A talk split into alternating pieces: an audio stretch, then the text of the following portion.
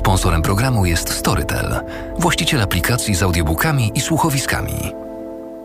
Od kilku tygodni, w tym momencie, w piątkowym normalnie o tej porze, zajmujemy się rokiem 1984 George'a Orwella.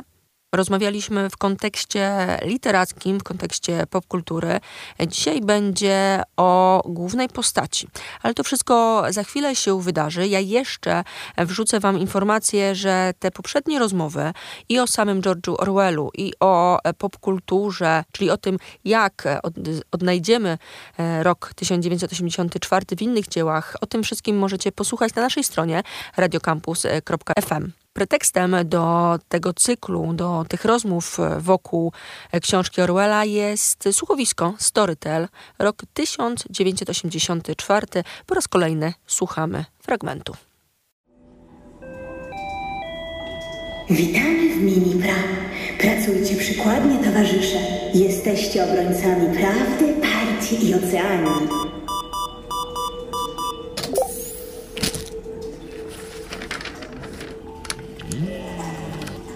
Którego wydania The Times potrzebujesz?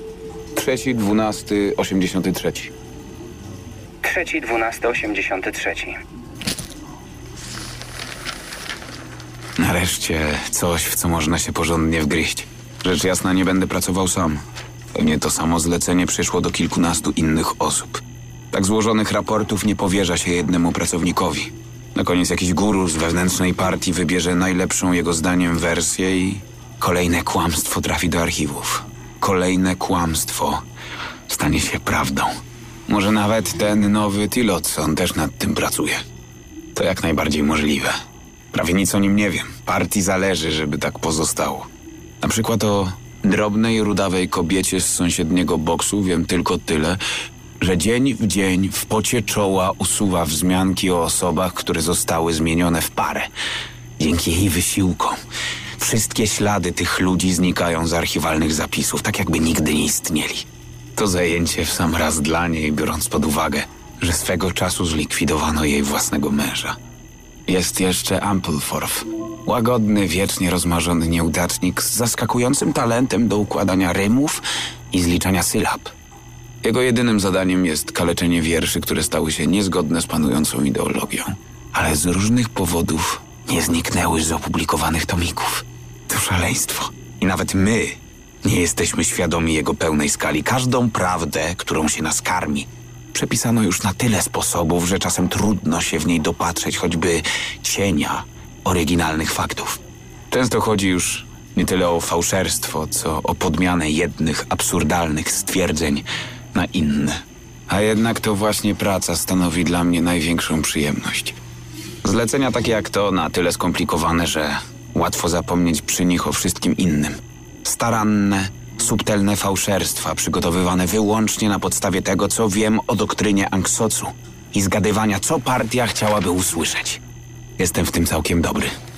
Times 3, 12, 83, cyt, przemówienie WB, plus, plus, niedobre, ODN do nie osób, cało sprostować, ODS do przeł, przed arch. W artykule pojawiają się odniesienia do nieistniejących osób i instytucji. Konkretnie tutaj. Towarzysze, gdzie mamy szukać postaw, które mogą być dla nas wzorem? Z pewnością wśród osób oddanych krzewieniu Anksocu służących partii ze wszystkich sił. Tacy właśnie są członkowie KWPF. Dostarczają żołnierzom odbywającym służbę na pokładach pływających fortec papierosy oraz inne niezbędne zaopatrzenie.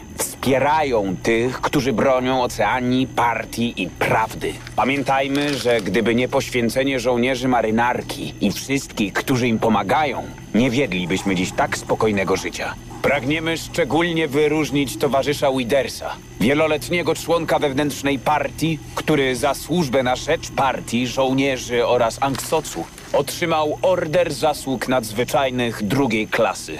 Kiedy to było? 3 grudnia. W marcu KWPF już nie istniał. Nikt nie wie, dlaczego go rozwiązano. Withers zapewne nagle zniknął, choć oczywiście nie zostało to ogłoszone. Gdyby doszło do publicznej rozprawy z gromadą zdrajców i myślozbrodniarzy, byłoby co oglądać. Zeznania, procesy, egzekucje.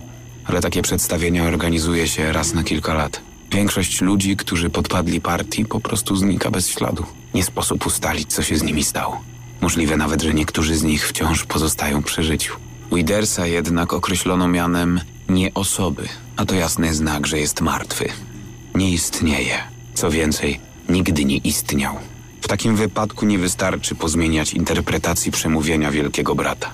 Lepiej przepisać na nowo całą jego treść.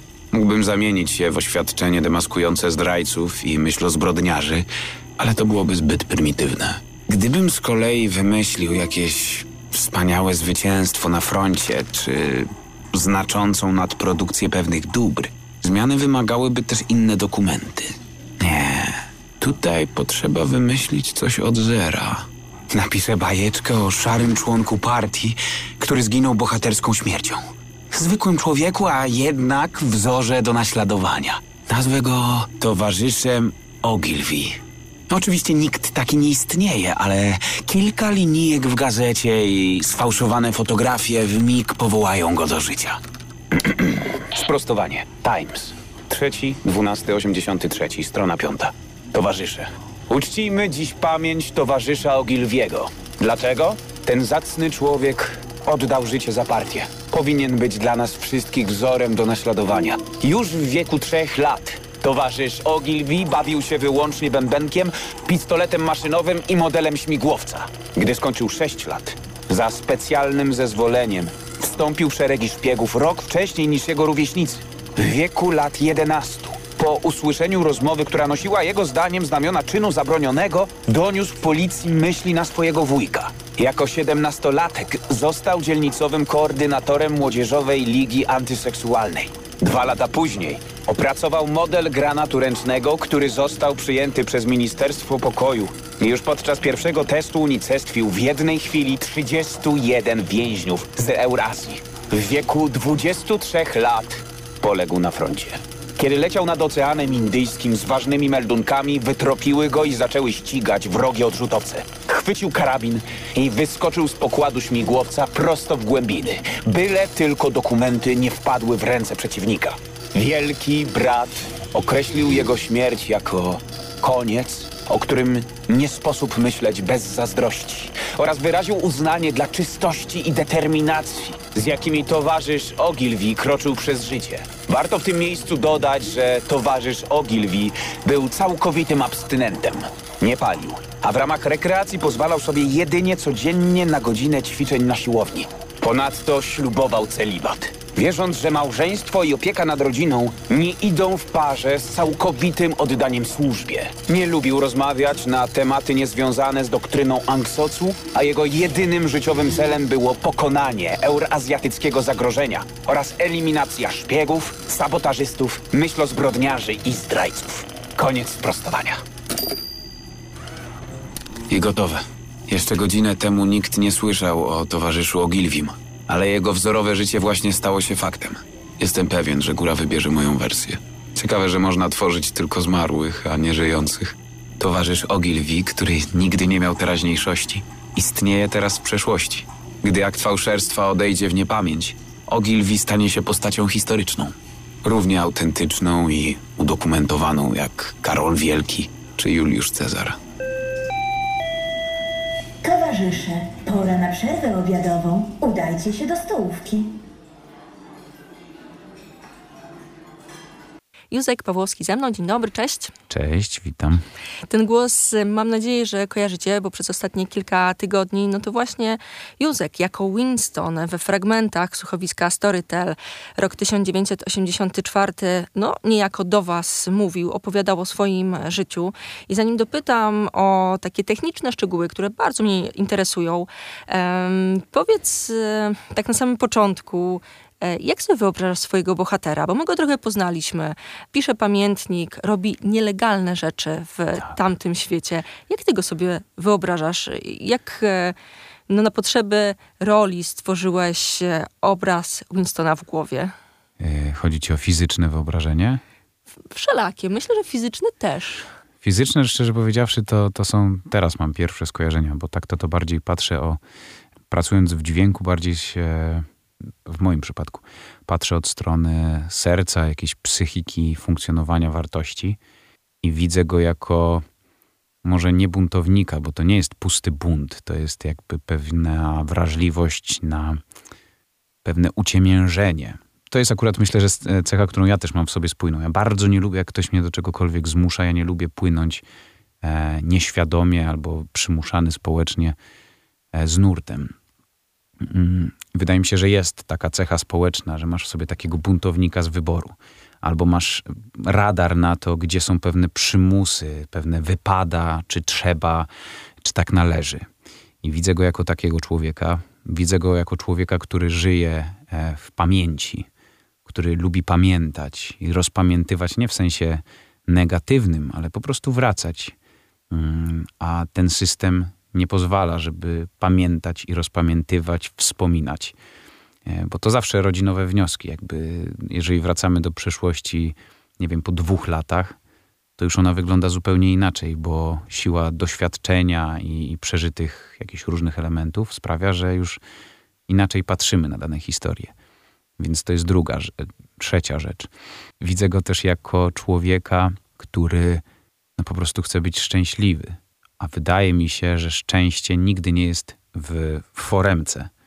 I przestrzeń też jest ważna dla niego. Nie w tym sensie rozumiana jako widoki, i znowu wracam do tej wolności trochę, w tym sensie, że móc się przesunąć, móc jakby współpracować z tym, co cię otacza, że widzieć jakby, to dzieci mają super i to nawet mam okazję obserwować, że badasz przestrzeń. I są tacy ludzie, którzy, ja chyba aż tak nie mam tego na co dzień albo wcale, ale że którzy nieustannie, e, ale wielcy artyści myślę, mm, mają coś takiego. I ostatnio e, słuchałem o, Boże, zaraz sobie przypomnę, o pianiście, który e, nawet bada sobie jeszcze układy tło, jakby tych młoteczków, jak działają i tak dalej, że jakby jak masz wielkich, naprawdę wielkich artystów, którzy są połączeni z jakąś tam wielką myślą twórczą, nie tylko jakby w, z, dotyczącą emocji, ale też jakby technologii, bo też na przykład jak popatrzymy na wspaniałych reżyserów, których jest trochę na tym świecie, to oni kombinują nie tylko treścią filmu, ale też formą, jak to opowiedzieć, jak, to, jak rytmami myślą, myślą obrazem, kolorem.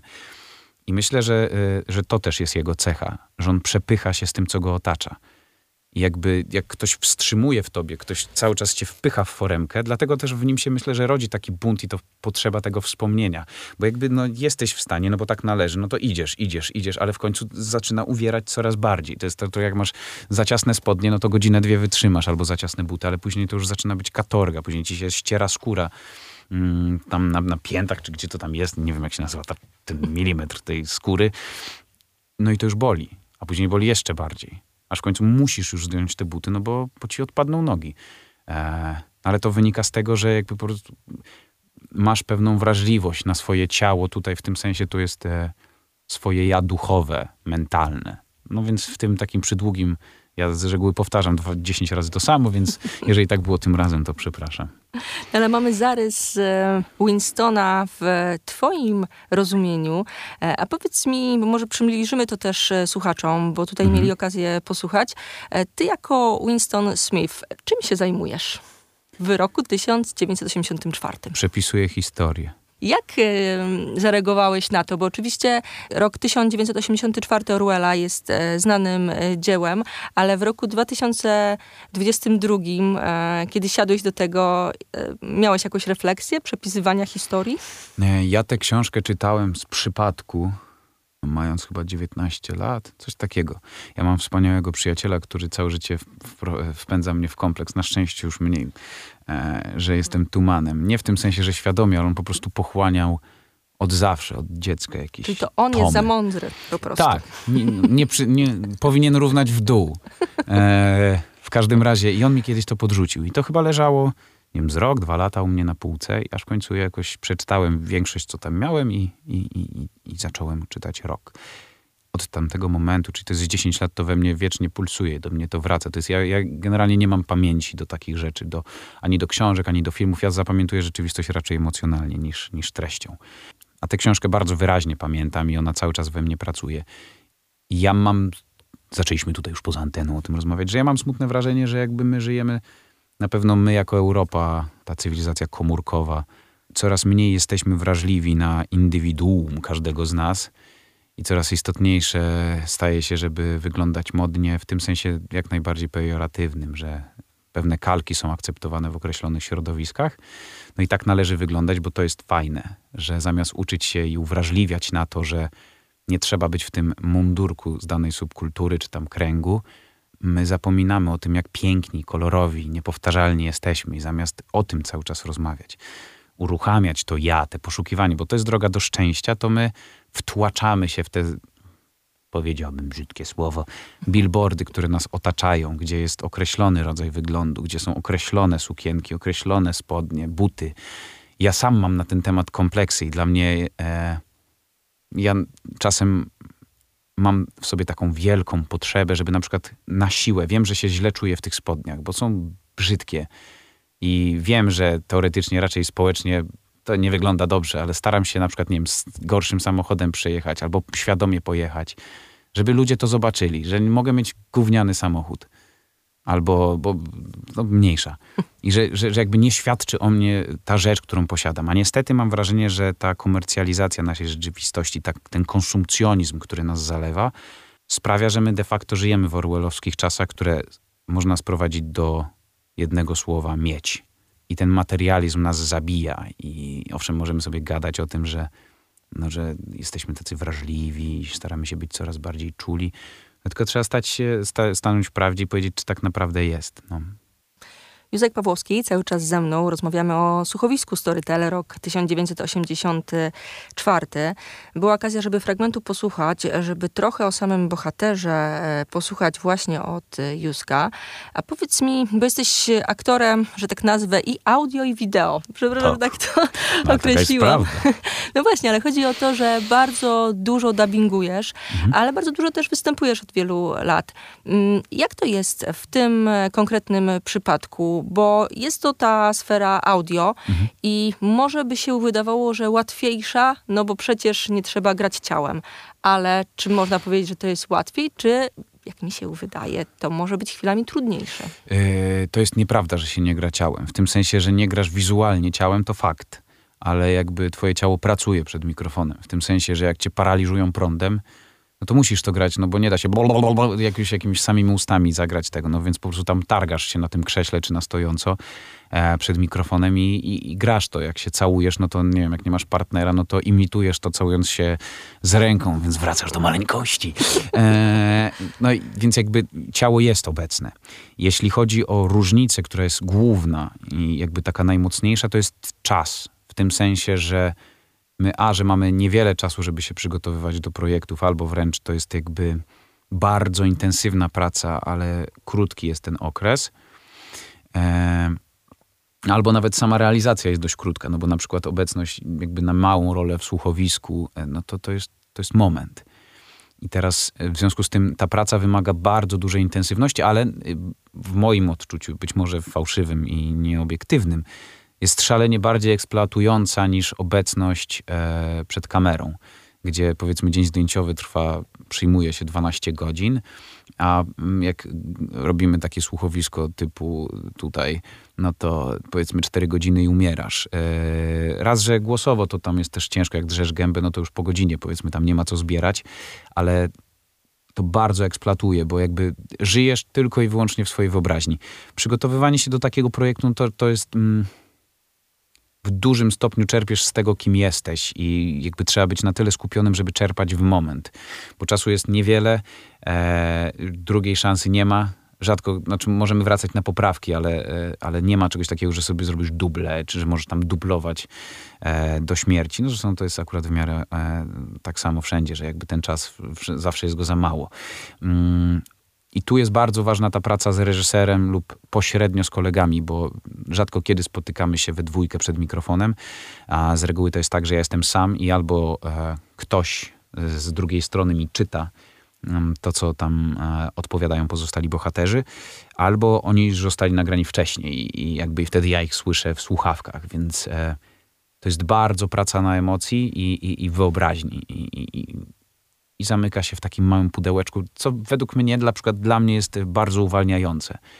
Bo sam fakt, że nie widać mojej gęby, to ja mam takie poczucie bezpiecznej anonimowości, więc mm, jakoś, nie wiem, mniej się boję oceny i, i wtedy jest mi łatwiej momentami jakoś tak sobie pozwalać na bardziej abstrakcyjne rzeczy, na które bym, żeby zrobić to przed kamerą, musiałbym się naprawdę ponaginać, 40 dni się zastanawiać, czy się nie ośmieszę, a później jeszcze kilka dni zbierać to, jakby się to innym nie podobało albo podobało. Tak klasyczne radio, można powiedzieć. Aha, tak, tak, tak. Nikt nie wie, jak wyglądasz. Tak, można z siebie robić trochę Tak, tutaj. tak, to prawda. Powiedz mi na koniec, bo zadaję to pytanie wszystkim rozmówcom w kontekście właśnie słuchowiska. E, Jak myślisz z twojej perspektywy, dlaczego w 2022 roku wracamy do tego roku 1984 Orwella?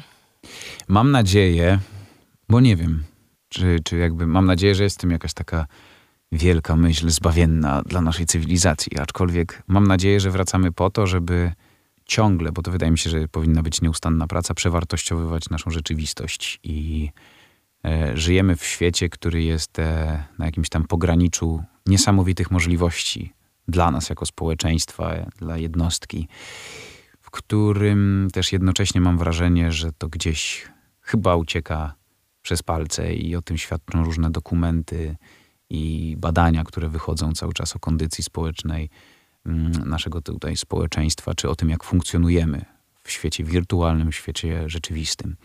Więc mam nadzieję, że jakby ten wielki brat, który gdzieś zawsze jest i zawsze będzie, i to może on mieć różną twarz, może mieć twarz polityczną, systemową, e, komercyjną, biznesową.